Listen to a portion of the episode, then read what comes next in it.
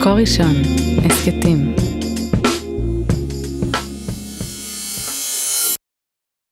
לא גדלתי על המושג חדשנות. מי בכלל שמע עליו בשנות ה-70 וה-80? בשנים האחרונות חדשנות הפכה לאחת המילים המדוברות ביותר בשפה. למוצר צריכה בסיסי. עברה מהתעשייה לבתי חולים, למשרדי ממשלה, לצבא, לבתי ספר, בכל ארגון בעצם, כולם מקימים מרכזים, אגפים ומחלקות לחדשנות, מעסיקים מובילי ומנהלי חדשנות. יש חדשנות טכנולוגית, גם חדשנות מוצרית, שירותית או חדשנות שיווקית, חדשנות תהליכית ותרבותית וחדשנות ארגונית, כולם מדברים חדשנות, עושים חדשנות, כמהים לחדשנות, לא יכולים בלעדיה. כמו שהגדיר זאת אה, תום פיטרס, חדשנות עולמות.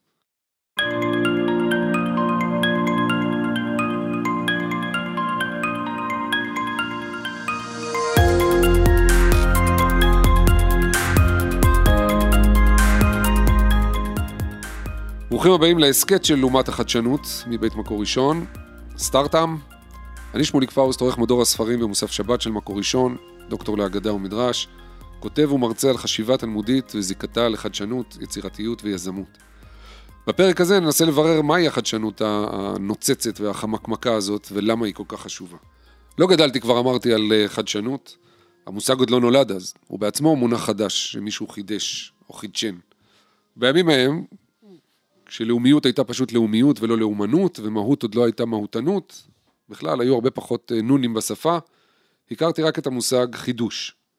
גם כשההורים אה, הזמינו מישהו לחדש את הרהיטים, נאמר, או כשהוזמנו לחידוש רישיון נהיגה, וגם בעיקר בשפה הבית מדרשית, ושם זה נהיגה במילאל, חידוש, או למהדרין חידש. חידוש היה גם קצת נועז ומסוכן, איזו דעה או קביעה שלא נשמעה קודם לכן, שעלולה לטלטל את היסודות הישנים, וגם משאת נפש, שיא הלמדנות.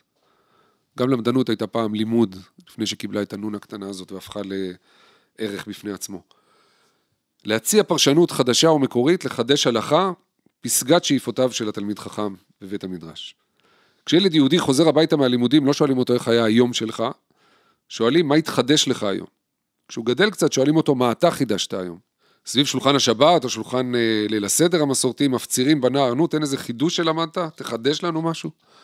זה האתוס.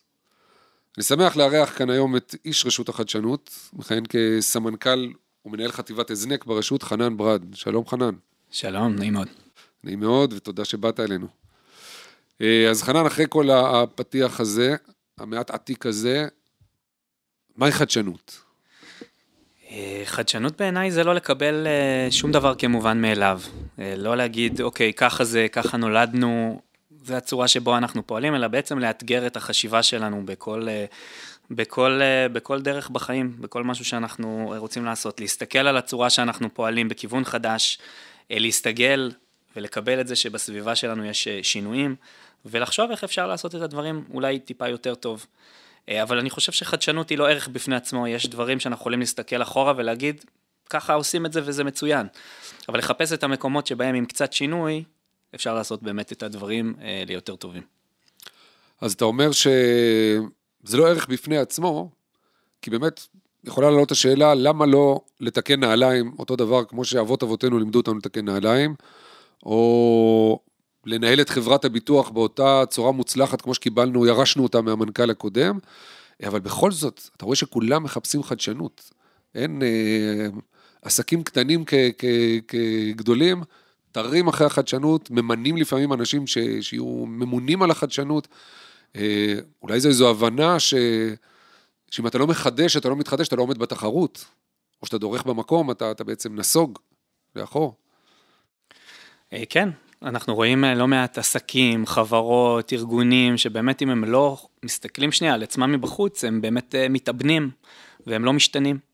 אה, ובלי החשיבה הזאת, הרבה פעמים צריך אנשים מבחוץ. יש מנהל חדשנות שכל תפקידו זה להיות סוג של הקונטרה. להסתכל על הארגון ולהגיד איפה אולי אנחנו לא עושים נכון ואיך אפשר לשפר, זה מאוד חשוב. אבל עוד פעם, אני אסייג, לא תמיד חדשנות לשם חדשנות. חדשנות היא צריכה אה, אה, למצוא איזושהי בעיה אמיתית ולנסות לפתור אותה, ולא רק להגיד, הנה, אנחנו חדשנים. יש היום הרבה באמת ארגונים שיש להם מנהלי חדשנות, אבל בסופו של דבר אין ממש צורך. כי כמו שעשינו אותו הרבה שנים, לא, לא בהכרח צריך לשנות. לא כל דבר, לא, לא מחליפים סוסים מנצחים, כן. אה, לפני שנגיע ל, ל, אולי לרשות לחדשנות ומה היא ו- ולתפקיד שלך שם, אה, אולי תספר על עצמך קצת, איך, איפה הקשר שלך לעולם הזה של חדשנות, של. יזמות. אז אני דבר ראשון ירושלמי, אה, גדלתי פה, אני בן הנה 38. כבר דבר משותף לשנינו. כן, נכון. ובעצם התגלגלתי לעולם ההון סיכון, עולם ההשקעות בסטארט-אפים. מתחילת הקריירה, אני 15 שנה עבדתי בקרנות הון סיכון. בצפון, ביוקנעם ובדרום בבאר שבע ביר- ופה בירושלים, ובתפקיד האחרון שלי הקמתי אה, קרן אמריקאית ישראלית, שבה השקענו סדר גודל של 30 מיליון דולר בחברות ישראליות ואמריקאיות. אה, ואחרי כל התקופה המאוד ארוכה הזאת, אז אה, עשיתי שינוי מאוד גדול לפני חצי שנה, ועברתי לצד השני בעצם לשוק הציבורי, כדי לתמוך בעצם בחדשנות ויזמות ישראלית גם מהצד הציבורי והממשלתי. וכשאתה מדבר על, ה, על היוזמות האלה שלך, ש, שתמכת בקרנות הון סיכון, שתמכו ב- בחברות ישראליות, זה בתחום הטכנולוגי? כן, אך ורק בחברות אה, טכנולוגיות. ויש גם, אה, אתה אמרת שאתה ירושלמי, משהו מיוחד, ל, ל, שיש פינה מיוחדת ששמרת לירושלים? אמ, אז ג- עבדתי בקרן JVP, שהיא קרן ירושלמית, Jerusalem Venture Partners, הסימן שלנו היה אריה של ירושלים, אז תמיד החיבור, החיבור הירושלמי מאוד uh, ניכר, ולפעמים כשמסתכלים באמת על uh, ירושלים, המון מהרעיונות הגדולים ביותר של ישראל, לאו דווקא שהחברות גדלו פה, אבל uh, יצאו מירושלים, שני האקזיטים הגדולים ביותר בתולדות uh, ישראל, אם זה מובילאיי כמובן, וגם חברת NDS, חמישה מיליארד דולר שהיא נמכרה, זה חברות ירושלמיות, אחת במכון לב, אחת באוניברסיטה העברית. יש פה המון אה, יזמות וחדשנות באוויר, מאוד מבוססת טכנולוגיה ומחקר, קצת וממש מחדש לי, זה, זה ממש מציון תצא תורה. ככה, כן. חושבים שזה בתל אביב, או זה, זה ירושלים, אתה אומר, היא לא פחות... אה, בירושלים יש הרבה יותר חברות. שהן deep tech, זאת אומרת, אה, בתל אביב יש המון חברות מצוינות, ובאמת היא עדיין בירת הטכנולוגיה שלנו בתחומי הסייבר והתוכנה, אבל בירושלים יש המון אה, חברות שמבוססות מחקר מדעי, מחקר טכנולוגי, יצאו מהאוניברסיטה, יצאו מהמכללות, רואים הרבה יותר deep tech. אז זה אולי מתחבר קצת לדברים שפתחתי בהם, שיש ב, ב, ב, ב, בסטארט-אפ, ב start-up nation אה, הזאת אולי איזה שהם יסודות אה, של חשיבה מעמיקה, כלומר יש זרמים תת-קרקעיים שהם, הם, שהם מחקר, שהם חשיבה, שהם למידה, שהם, אה, שהם נמצאים ב-DNA שלנו באמת אה, כנראה אלפי שנים. ואולי לכן החיבור הזה עם ירושלים נשמע מתאים לתיאור הזה. אני, אני חושב שאנחנו אומה של חדשנות, אומה של יזמות. כלומר, אה, אפשר לראות שכל ההקמה של מדינת ישראל, וההקמה של הציונות, ואחרי זה הדברים שבעצם הניעו אותנו קדימה, גם מבחינה צבאית וגם אה, גם אה, מבחינה טכנולוגית, הם באו מ, בסוף מיזם, מחשיבה מחוץ לקופסה. ואני חושב שזו הסיבה שהפכנו להיות start-up nation, היכולת לקחת משהו שהוא לכאורה מובן מאליו, וכולם, ולפתור בעיות ולחשוב עליהם בצורה אחרת. זה האתוס שלנו. איך אתה, אתה מסביר את זה ש... באמת אה. כל כך הרבה יזמים אה, אה, נולדים פה, וה... והמדינה, 70 וכמה שנים של, של מדינה, בכל כך הרבה תחומים מראה אה, יזמות פורצת דרך. כן. יזמות וחדשנות, אני חושב, קורית בעיקר כשקשה. כלומר, כשהכול בסדר והכול טוב, ואתה יכול, אה, נגיד, לסיים תואר ולהרוויח אה, 300 אלף דולר, נניח, כמו ב, ב, בסיום התואר שלך, אז, אז אין, לך, אין לך צורך כל כך ליזום. אבל דווקא הישראלים, היהודים, נמצאים במקום תמיד של קושי, ומקום שתמיד צריך לאלתר. זה מאוד מעודד את המקום הזה של יזמות וחשיבה על אה, פתרונות. וראו את זה החל מקום המדינה, אבל בשנים האחרונות זה באמת מתבטא המון בסטארט-אפים, ובכזה פתרונות שהם, אה, שהם מאתגרים את הקיים. אז מעניין מה שאתה אומר. כלומר, אתה, אם היית צריך לפי זה להמליץ למנהלי החברות פה אה, בארץ, או סניפים של החברות הגדולות, פייסבוק ואחרות, אז אתה אומר, אל תפנקו אותם, תנו להם אה, גלידות ב-34 טעמים ושולחנות פינג פונג ומשחקים ופופים למנוחה. אני חושב שזו נקודה שהיא מאוד מעסיקה אותי, ואחת הסיבות גם שהגעתי לרשות, ב- אה, יש היום 300 חברות בין, אה, בינלאומיות בישראל, שהגיעו לפה כמעט כולם על בסיס קנייה של סטארט-אפים, על בסיס, בדיוק בשביל החדשנות הישראלית, אבל דווקא בגלל שכל כך טוב היום, אנחנו רואים ירידה די דרסטית בהקמה של חברות ישראליות. זאת אומרת, מכמות של בערך 1,400 חברות לפני עשור, קצת פחות מעשור, לפחות מ-600 עכשיו. זאת אומרת, פחות ישראלים בוחרים במקום הזה של היזמות, ואחת הסיבות המרכזיות, לפחות איך שאנחנו רואים את זה ברשות החדשנות, כי פשוט טוב מדי. אתה יכול לבחור במקום עבודה מאוד מאוד נוח, עם, אה, עם תנאים מאוד טובים, ואז יצר היזמות שלך בעצם יורד, כי האלטרנטיבה היא טובה יותר אה, מבחינת רמת הסיכון. ואנחנו רוצים לעודד יותר יזמים שיקימו חברות, שיקחו את הסיכון הזה, אה, ובשביל זה אנחנו שמה, בחטיבת הזנק, בתוך רשות החדשנות. אז אולי נגיע מפה באמת ל... קודם כל תגיד לנו כמה מילים על הרשות לחדשנות, גלגוליה, תפקידה, מה, מה היא היום? אז הרשות בעצם מבוססת על מה שהיה המדען הראשי, כלומר כבר משנות ה-60 וה-70 היה פה את המדען הראשי של המדינה שהכניס כסף ותמך במה שקוראים לזה במחקר ופיתוח במו"פ. אה, בשנות ה-90 זה התגלגל למשהו שהוא הרבה יותר משמעותי עם הקמה של אה, אה, תוכנית יוזמה, זו הייתה תוכנית לאומית בעצם לקדם סטארט-אפים במצ'ינג לקרנות, כלומר כל מי שהצליח להקים קרן קיבל מצ'ינג מהמדינה, וזה מה שהצמיח בעצם את תעשיית ההון סיכון בתחילת שנות ה-90. באותה תקופה גם קמה תוכנית החממות הטכנולוגיות, היו המון המון עולים מברית המועצות, עם המון המון ידע ולא ידעו כל כך מה לעשות איתם, במקום לשים אותם במשרות לא מתאימות, וככה יצרו באזורי פריפריה חממות טכנולוגיות, שהמרכז שלהם היה הקמה של אה, מיזמים וסטארט-אפים. התוכנית הזאת קיימת עד היום, אני מנהל את אה, תוכנית החממות בין היתר, ודווקא ההתערבות הממשלתית הזאת, הרבה פעמים קל להגיד, המדינה רק הורסת ועדיף שלא תתערב, היא זאת שהקימה את תעשיית ההון סיכון והסטארט-אפים בישראל, אה, שאנחנו רואים בשנים האחרונות. אז מי בעצם נזקק לשירותי הרשות? מי, מי פונה לרשות לחדשנות? אז, אז רק אני, אני אמשיך, ב-2017 בעצם אנחנו הופרדנו ממדען הראשי שהיה בעצם חלק ממשרד הכלכלה לרשות נפרדת שהיא רשות סטטוטורית עצמאית ובאמת מקיימת עם תקציב עצמאי אה, וכולי. הדבר המרכזי שאנחנו עושים זה תמיכות בחברות. זאת אומרת, אנחנו תומכים כל הדרך מיזמים עם רעיון, דרך אה, סטארט-אפים שהם בטיפה, בשלב טיפה יותר מוקדם, אה, מתקדם, אה, בתשתיות טכנולוגיות, במסחור של ידע מהאקדמיה. אנחנו מתמקדים בחדשנות טכנולוגית פורצת דרך, ונותנים לה בעצם את הדרך להצליח. אמרת פורצת דרך, יש באמת להבנתי כמה סוגי חדשנות, שאחת מהן היא החדשנות באמת פורצת דרך, או שכאלה בעברית לפעמים קוראים לזה חדשנות אה, אה, משבשת, disruptive innovation, נכון? אה, שזה מתקשר אולי קצת למה שדיברנו קודם, על התנאים או על, או על המצוקה שממנה נולדים רעיונות. כלומר, אה, חדשנות משבשת זה נשמע אה, אה, לא טוב, אבל זה, זה באמת לטלטל קצת את החשיבה למקומות אחרים, נכון? ממש ככה. אמ, יש הרבה גופים שמתעסקים בחדשנות, חדשנות בממשל, חדשנות בעסקים קטנים, אנחנו, המהות שלנו זה חדשנות טכנולוגית. בסדר, זה גם השם המלא שלנו, הרשות, הרשות הלאומית לחדשנות טכנולוגית. אה, ב, לשמחתנו אנחנו לא לבד, יש שוק פרטי, יש משקיעים אה, באנג'לים ויש קרנות הון סיכון ויש לא מעט גופים, אבל הנטייה של רוב המשקיעים מן הסתם זה לחפש פחות סיכון. זאת אומרת, למרות השם הון סיכון, מחפשים פחות סיכון, זה גם מה שאני חיפשתי. אתה לא מחפש להשקיע בדברים שהם ארוכים עד שהם מגיעים לשוק, אתה לא מחפש בטכנולוגיות שצריך לשבת במעבדה ארבע שנים, אתה לרוב תלך למקומות הקלאסיים יותר. וכשמסתכלים על ההשקעות, ששנה שעברה הגענו לשיא בינלאומי, הגענו 26 מיליארד אה, דולר הושקע בחברות ישראליות והכל וואו. חגיגות מאוד גדולות, עדיין רוב מוחלט של הכסף מגיע למה שזה קוראים לזה ה-ICT, לסייבר, פינטק, תוכנה.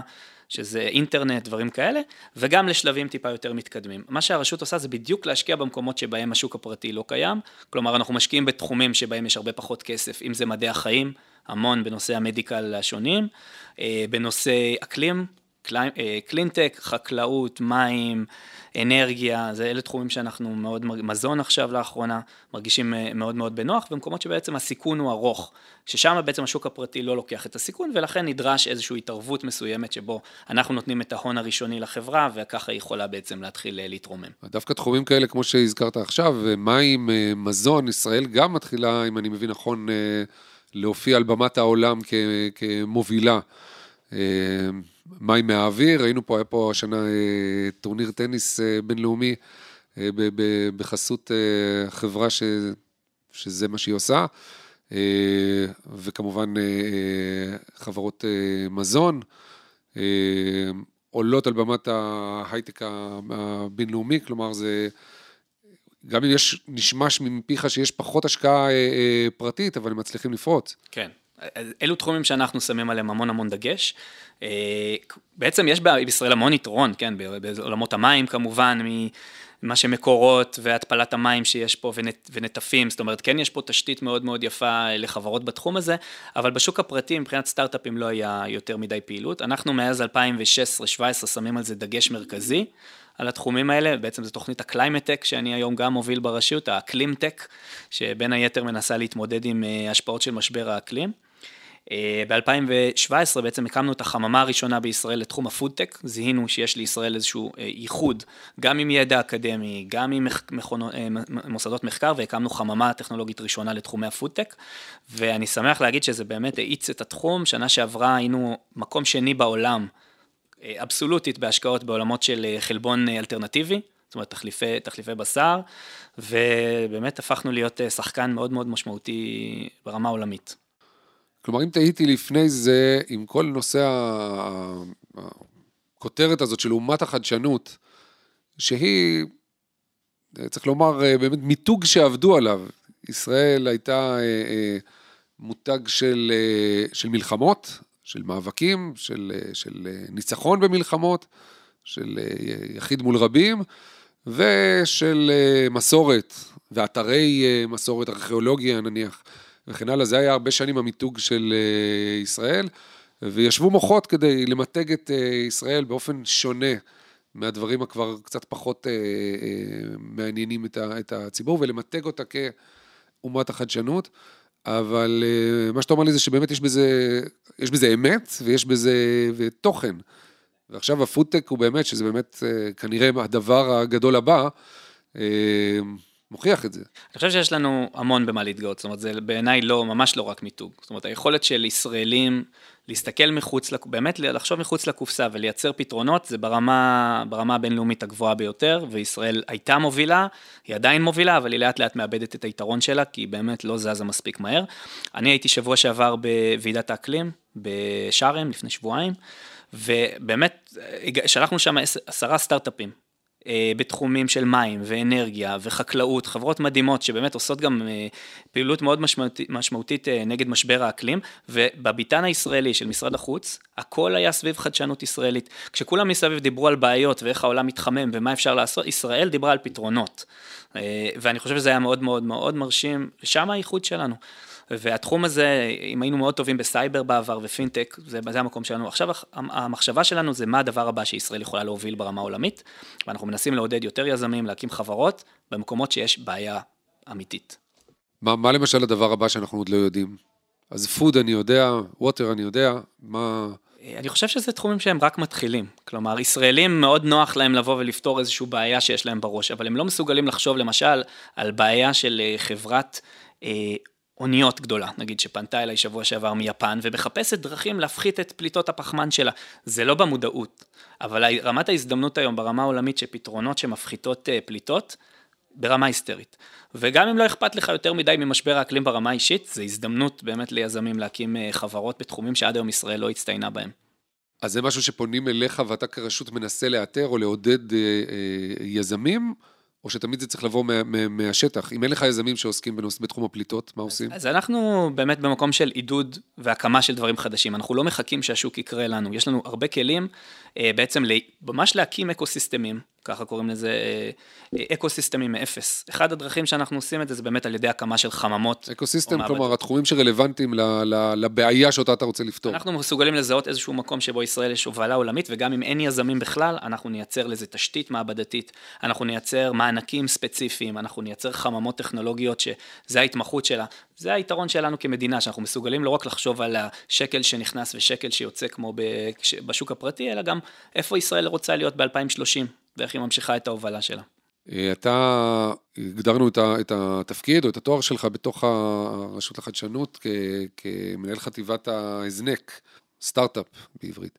בעצם מה שאתה מדבר עליו עכשיו, האקו-סיסטמים והתמיכה שלכם, דיברת על הרשות באופן אה, כללי, או שזה באמת תפקידך בכוח? חטיבת הזנק אנחנו ממוקדים ביזמים, בעידוד יזמות, בעידוד סטארט-אפים בשלבים הראשונים. אה, מלבד הפעילות שלנו יש חטיבה של צמיחה שמטרתה לעזור לחברות בישראל לצמוח ולגדול, וחטיבת תשתיות שמתעסקת בידע מהאקדמיה, יצירה של חברות מהאקדמיה, ותשתיות לאומיות כמו תשתית הקוונטום שאנחנו יצרנו, בעצם מרכז קוונטום ראשוני שכל החוקרים בארץ יכולים להשתמש בו. ותשתיות נוספות. אבל אנחנו, התפקיד שלי, שזה בערך שליש מתקציב הרשות, זה כל המענקים שיש לנו לתת כדי לקדם יזמים, לקדם הקמה של חברות. אנחנו בכל שנה משקיעים בסדר גודל של 250 חברות, כלומר שאנחנו מקימים אותם כמעט מאפס. אז יש לנו פה אה, מקום מאוד מאוד משמעותי בהשפעה על האקוסיסטם הישראלי. כלומר, 200-250 חברות זה לא רק כאלה שפנו אליכם, מילאו טפסים כדי לקבל מכם אה, אה, מענק לצמיחה שלהם, אלא חלק גדול מזה זה יוזמות שלכם? אה, לא, 250 זה בערך אה, מספר החברות המאושרות, התיקים שאנחנו מאשרים, אנחנו מאשרים סדר גודל של 40, 40 אחוז מהחברות שפונות אלינו, אבל לפעמים אנחנו ממש יוצרים חברות מאפס ביחד עם השותפים שלנו בחממות ובמעבדות. אז אם אנחנו מדברים באופן ספציפי על, על יזמות, אה, שזה מאפיין אותך כיזם וכמי שעכשיו אחראי על זה, כמו שאמרת, עשית את זה במגזר הפרטי, עברת עכשיו לצד השני, למגזר הציבורי. אמ, יש לך איזה אפיון או, או הגדרה משלך למהי יזמות? כי גם זה, כמו שדיברנו על חדשנות, יזמות נהיה גם אה, אה, מושג של כל בעל רעיון הוא, הוא יזם. איפה אבל זה, מה הופך אותך ממישהו שנדלקה אה, לו איזו נורה בראש כשהוא שמע או ראה או חשב על משהו, לשלב של יזם. אולי, אם זה בסדר, אני אתן איזושהי דוגמה, דווקא בין, מה זה בין יזם? מצוין. ליזם אה, טכנולוגי, או ליזם ש, שבעצם כספי הון סיכון, שלפעמים לא מבינים את ההבדל. יזם, יכול להיות, אתה רוצה להקים חנות פלאפל. אתה יזם, אתה יזם עסקי, אתה רוצה להקים חנות פלאפל ולשים אותה ברחוב, ברחוב יפו. זה מאוד מאוד הגיוני. אתה תלך כנראה לבנק, ותגיד, אני צריך עכשיו 200-300 אה, אלף שקל אה, לשפץ את המקום ולהפוך אותו למקום יפה יותר ולמכור כדורי פלאפל במקום מרכזי, אז הבנק יגיד, נשמע, נשמע לי מאוד הגיוני, אני אתן, לך, אני אתן לך כסף, אה, ותחזיר לי מתוך ההכנסות שלך. עכשיו, אם אתה רוצה לעשות משהו שהוא לגמרי מחוץ לקופסה, אני רוצה למכור כדורי פלאפל בטעם שוקולד, ואני חושב שזה לא צריך להיות ברחוב יפו, אלא אני רוצה לשים את זה איפשהו בפאתי מלחה, למשל, המקום שאנחנו נמצאים עכשיו, שיש פה פחות תנועה, אז תבוא לבנק והבנק יגיד, רגע, כדורי, כדורי פלאפל בשוקולד לא נראה לי שמישהו יותר מדי אוהב, והמקום שבחרת הוא לא מרכזי, לכן אני לא מוכן לתת לך כסף. אתה בטוח שזה רעיון מדהים, אבל אף אחד לא יכול לתת, לא ייתן לך את ההזדמנות הראשונה. זה המקום שבעצם אתה הולך לקרן הון סיכון, או אתה הולך לאיזושהי קבוצה ואומר, אמנם אני יודע שרמת הסיכון גבוהה, אני עושה משהו שלא עשו עד היום, במקום שלא עשו עד היום, אבל אה, בואו תשקיעו בי. וקרן הון סיכון מה שהיא תעשה, וגם אנחנו מסתכלים על זה ככה, אנחנו ניתן לך כסף ברמת סיכון מאוד גבוהה, אבל במקום לבקש ממך שתחזיר לי את זה בריבית, אני אגיד לו, אני רוצה אחוזים מהמיזם שלך. אם זה לא יצליח, אני לקחתי על עצמי את הסיכון, אבל אם זה יצליח, אני רוצה 10 אחוז, 20 אחוז מהמיזם שלך. זה בעצם אולי ההבדל המרכזי בין יזמות, נגיד, בסיכון נמוך יחסית, לבין יזמות אה, בסיכון גבוה. ואנחנו ברשות מחפשים אולי את היזמות בסיכון הגבוה ביותר. מבחינתנו רעיונות משוגעים, כל עוד הם כמובן נתמכים מדעית וטכנולוגית, אנחנו הכי אוהבים. כי אנחנו רוצים לתת את הצ'אנס גם ליזמים שאף אחד אחר לא נותן להם את הצ'אנס הראשוני. אז, אז מאפיין ראשון של, של יזם אה, נתת, שהוא הרעיון, ובאמת, אה, אתה אומר, ככל שהוא פורץ דרך או מחוץ לקופסה, או רעיון משוגע, אה, הוא זה שמתאים לקרנות הון סיכון. ויש מאפיינים נוספים כדי שאדם כדי שאתה תראה מישהו ותקרא לו יזם, הוא צריך להיות אה, אמיץ, הוא צריך להיות אה, נועז, הוא צריך להיות, אה, להיות מוכן לדרך ארוכה, לדרך חתחתים.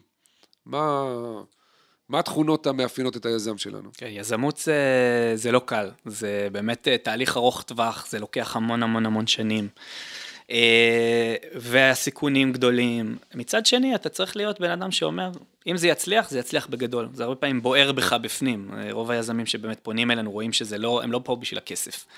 הם פה כי הם מאמינים שמה שהם, אה, שהם עושים באמת יכול לפתור בעיה גדולה. הם צריכים להיות מוכנים למסע. לפעמים חושבים שתוך שנתיים מגיעים, מוכרים את החברה, עושים אקזיטים, זה תהליכים מאוד מאוד מאוד ארוכים של זמן, אה, לפעמים ברמה הסיכון האישית שלך היא גבוהה, יכול להיות שלא תרוויח כסף ולא תוכל תקופה מסוימת לקבל אה, משכורת.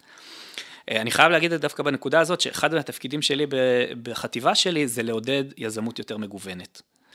כי ההרגשה שלנו הרבה פעמים שהיזמות היום בישראל אה, היא באמת בסקטורים מאוד מאוד מסוימים, אנחנו כמובן רואים יותר במרכז הארץ, יותר יזמים חילונים, יותר יזמים יהודים, ופחות אה, חרדים, פחות ערבים ופחות אה, נשים שמקימות חברות, גם פחות דתיים לאומיים, אני חושב, מקימים אה, חברות, לפחות לפי הסטטיסטיקות. ואנחנו רוצים לנסות ולנתח את זה ולראות קהל יותר מגוון, כי לרעיונות מעולים יש לכולם. כל, כל אחד הולך ברחוב, יש לי רעיון מדהים. השאלה אם את הרעיון המדהים הזה הוא יישם, או שהוא ישמור את הרעיון המדהים בראש שלו. ולדעתי לא מספיק ישראלים היום באמת הולכים בדרך הזאת של היזמות. הם בדרך כלל יגידו זה לא בשבילי, זה מסוכן לי מדי. אה, וזה אחד האתגרים שאנחנו מנסים אה, לעבוד עליהם. זה מעניין מה שאתה אומר, כי כששאלתי אותך על, אה, על מאפיינים של יזם, בעצם בין השאר בדרך שאני עשיתי, במסע שאני עשיתי ואנשים שאני פגשתי, אנשים שיש להם ניסיון רב בחוץ לארץ, בעמק הסיליקון, ופגשו, נפגשו עם הרבה יזמים בעצמם ונפגשו עם יזמים ממקומות שונים, התחילו לשים לב ל... לאפיונים שונים של יזמים, קצת על פי התרבות שממנה באו. וחלקם מצאו שהמשותף ל, ל, ליזמים ישראלים, הוא נניח מעבר לרעיון, רעיונות יכולים להיות ב, ב, ב, בכל העולם ובכל אה, תרבות, גם רעיונות משוגעים, אבל יש את ה... את ה... אתה צריך להתדפק על דלתות בשביל לממש גם את הרעיון שלך, ולא להתייאש בדרך. אז יש איזו עקשנות, או איזו חוצפה, גם אה, ישראלית, ש, ש, ש, שלא תמיד uh, מתחילה מלמטה למעלה, אלא פותחת, uh, מנסה לפתוח דלתות כבר בטופ של חברות, ולנסות בלי להתבייש להציע את מה שיש להם להציע, גם להתווכח. וכחנות כזאת יהודית, שגם לא מסתכלת כל כך על היררכיות, אלא מין סחבק כזה בגובה, בגובה העיניים, ושיש כאן... Uh, uh, נכונות כזאת ל- ל- ל- להתעמת על שלך, לעומת למשל תרבויות מאוד uh, צייתניות, נניח, ששם ההיררכיות הן uh, מאוד, וקשה לפרוץ גבולות, וקשה, או כשמקבלים לא, מאוד קל להתקפל, כי אתה מאוד בלתי אין בתוך הממסד ההיררכי. וכשאתה קצת uh, נטול היררכיות ופחות צייתנות ויותר דוגרי וכל הדברים האלה שאנחנו מייחסים ל- לישראלים וכנראה נכונים, אז קורים דברים שונים עם יזמים ישראלים. אני ייחסתי את ה... ואחרים גם, את, ה... את הדברים האלה כן לאיזה שהם, אה, כמו שפתחנו, איזה שהם תכונות ש... שיש להם איזשהו DNA תרבותי. אה, יכולים לראות מדמויות אה, מקראיות, אבותינו ב... ב... בסיפורי התנ"ך, ואחרים אנשים שאפשר לקרוא להם יזמים, באופן שבו הם, קודם כל לפעמים באמת, בפועל, בשטח, טכנולוגיות בשטח, דברים אה, אה, חדשים, אבל גם הרבה מאוד אה, תחומים. אנשים שלא מפחדים להתווכח, אפילו עם האל בכבודו ובעצמו, מבטלים היררכיות, מעיזים ומנצחים. אז קודם כל זה מעניין בפני עצמו, אני אשמח לתגובה שלך על זה, אבל עניין אותי שאתה אומר לי עכשיו, שדווקא אנחנו רואים בישראלים שקצת יותר נוטים לאזור הנוחות, ופחות מתאפיינים בתכונות האלה שדיברנו עליהן עכשיו. אה, אני חושב שישראלים יש להם את זה ב-DNA, זאת אומרת, תיקח קבוצה של ישראלים, שים אותם בחדר, תיתן להם בעיה, והם יפתרו אותה. אין, אני רואה את זה בהאקתונים ובאירועים שאני מגיע אליהם, פשוט מדהים. אה, מספיק שהם יודעים בעיה, בעיה ואומרים להם, תקשיבו, תשבו עכשיו, בעיקר צוותים שהם אה, רב-תחומיים, הם ימצאו את הפתרון. שזה מאוד מאוד ייחודי, כי בגלל החשיבה שלנו מחוץ לקופסה, ואני חושב שעדיין יש פה איזשהו פער מסוים בין היכולת שלנו לפתור בעיות, לבין היכולת שלנו להקים חברות. אה, גם יכולות הניהול שלנו כישראלים הן פחות טובות, זו בעיה ידועה שאנחנו אולי טובים מאוד בחדשנות ובהקמה של חברות, אבל כמעט כל חברה נתקעת אחרי שנתיים, שלוש, ולא בהכרח הבן אדם המבריק שיזם את החברה הוא גם הבן אדם שיכול להוביל אותה להצלחה. יש לנו מקרים בישראל כמו צ'ק פוינט, שבאמת בן אדם בא, יזם חברה, ומאפס היום הוא עדיין מוביל חברה של עשרות מיליארדי דולרים.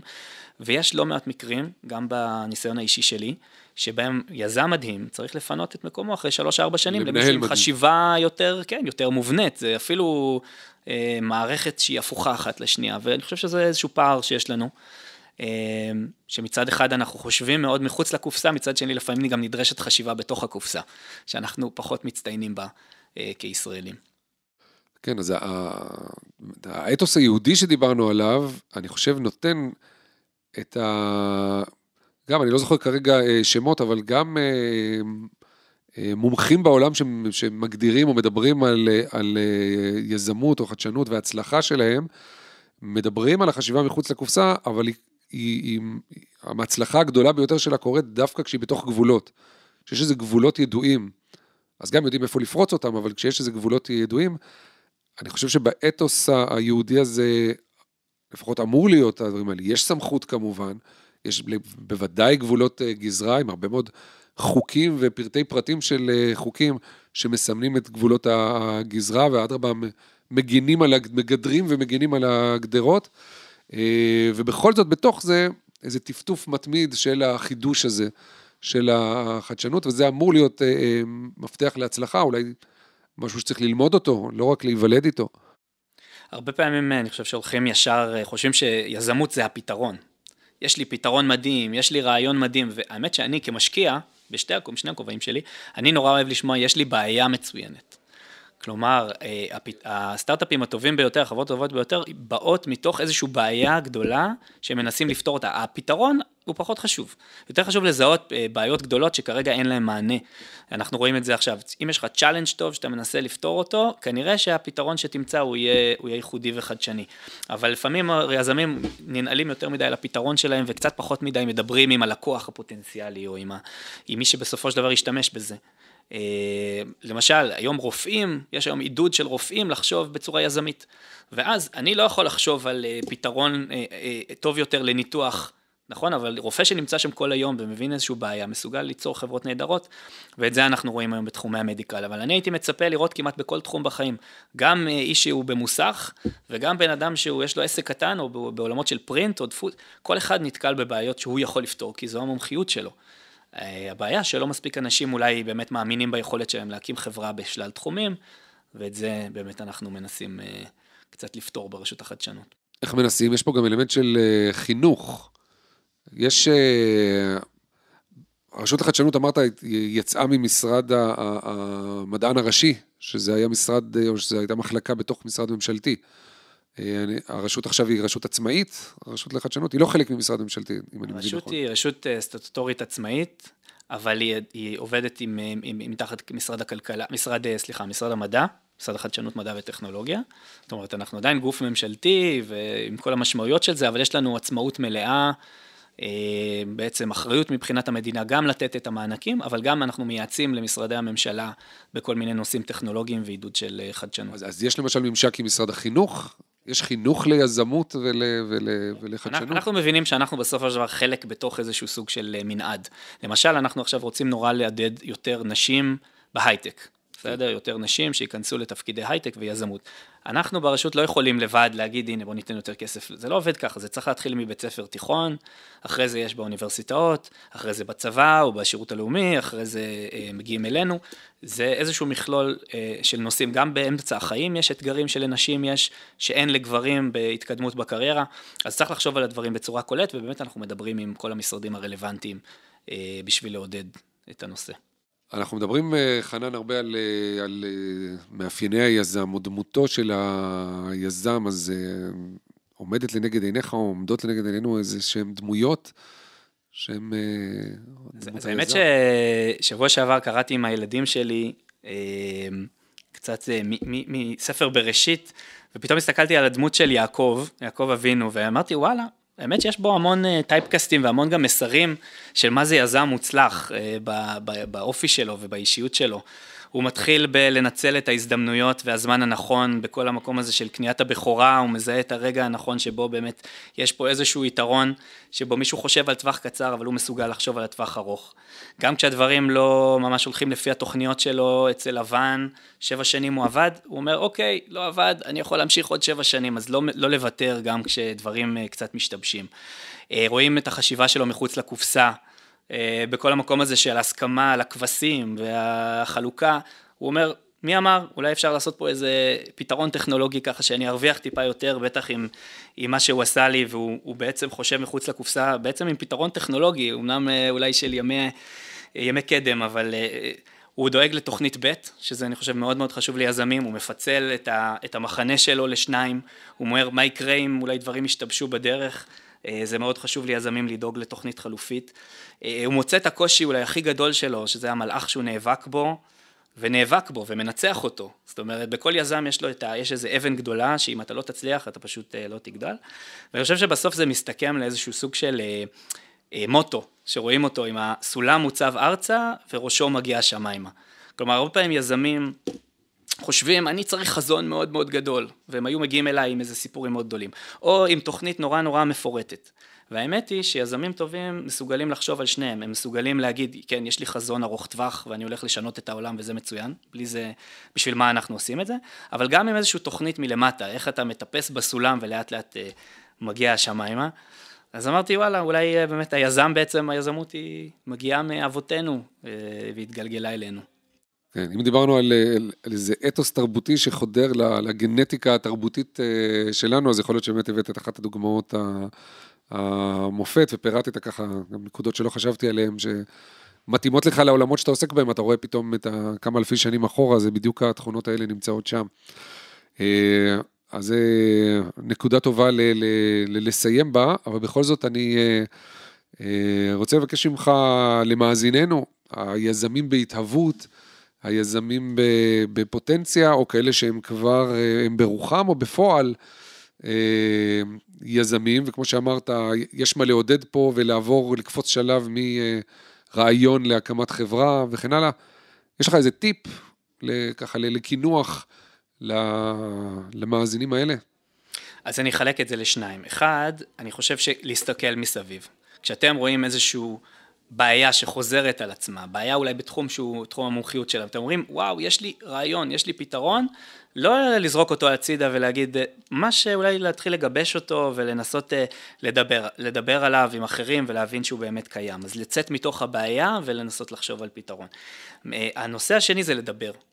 אה, יש בסופו של דבר בישראל, יש לנו את הקטע הזה של פרגון. אנשים מפרגנים אחד לשני ועוזרים אחד לשני, ובאמת אתה יכול להגיע בישראל לכל אחד, אם אתה בקליפורניה מאוד קשה להגיע למנכ"ל גוגל, אבל כשאתה בישראל, כמעט כל אחד ישמח לדבר איתך. ואז אתה יכול לקחת את הרעיון שלך, לדבר עם אנשים מתוך התחום, לדבר עם לקוחות פוטנציאליים, ובסופו של דבר, לבנות ככה את, ה, את המיזם שלך. מצוין, אז הנה סיימנו בעוד אה, אפיון מיוחד אולי ל, ל, לישראל הקטנה, הפמיליארית, שכולם תוך כמה צעדים יכולים להגיע אחד לשני, או בכלל לצעוק החוצה את הרעיון שלך אה, בקול, מישהו שם אה, ישמע ואולי יוכל לעזור לך לפתח אותו.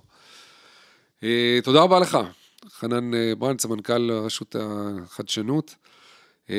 תודה רבה לכם שהאזנתם, תודה לאוהד רובינשטיין על ההקלטה והסאונד, ליהודי טל ועדי שלם רבינוביץ' על ההפקה. כל מי שסייע בעריכת הפרק הזה. את הפרק הזה, כמו גם שאר אה, פרקי הסדרה והסכתים אה, נוספים, תוכלו למצוא באתר מקור ראשון בערוץ ההסכתים, אה, או בספוטיפיי, באפל מיוזיק וגם בגוגל, כל מקום שבו אתם מאזינים להסכתים שלכם. נשתמע בפרק הבא.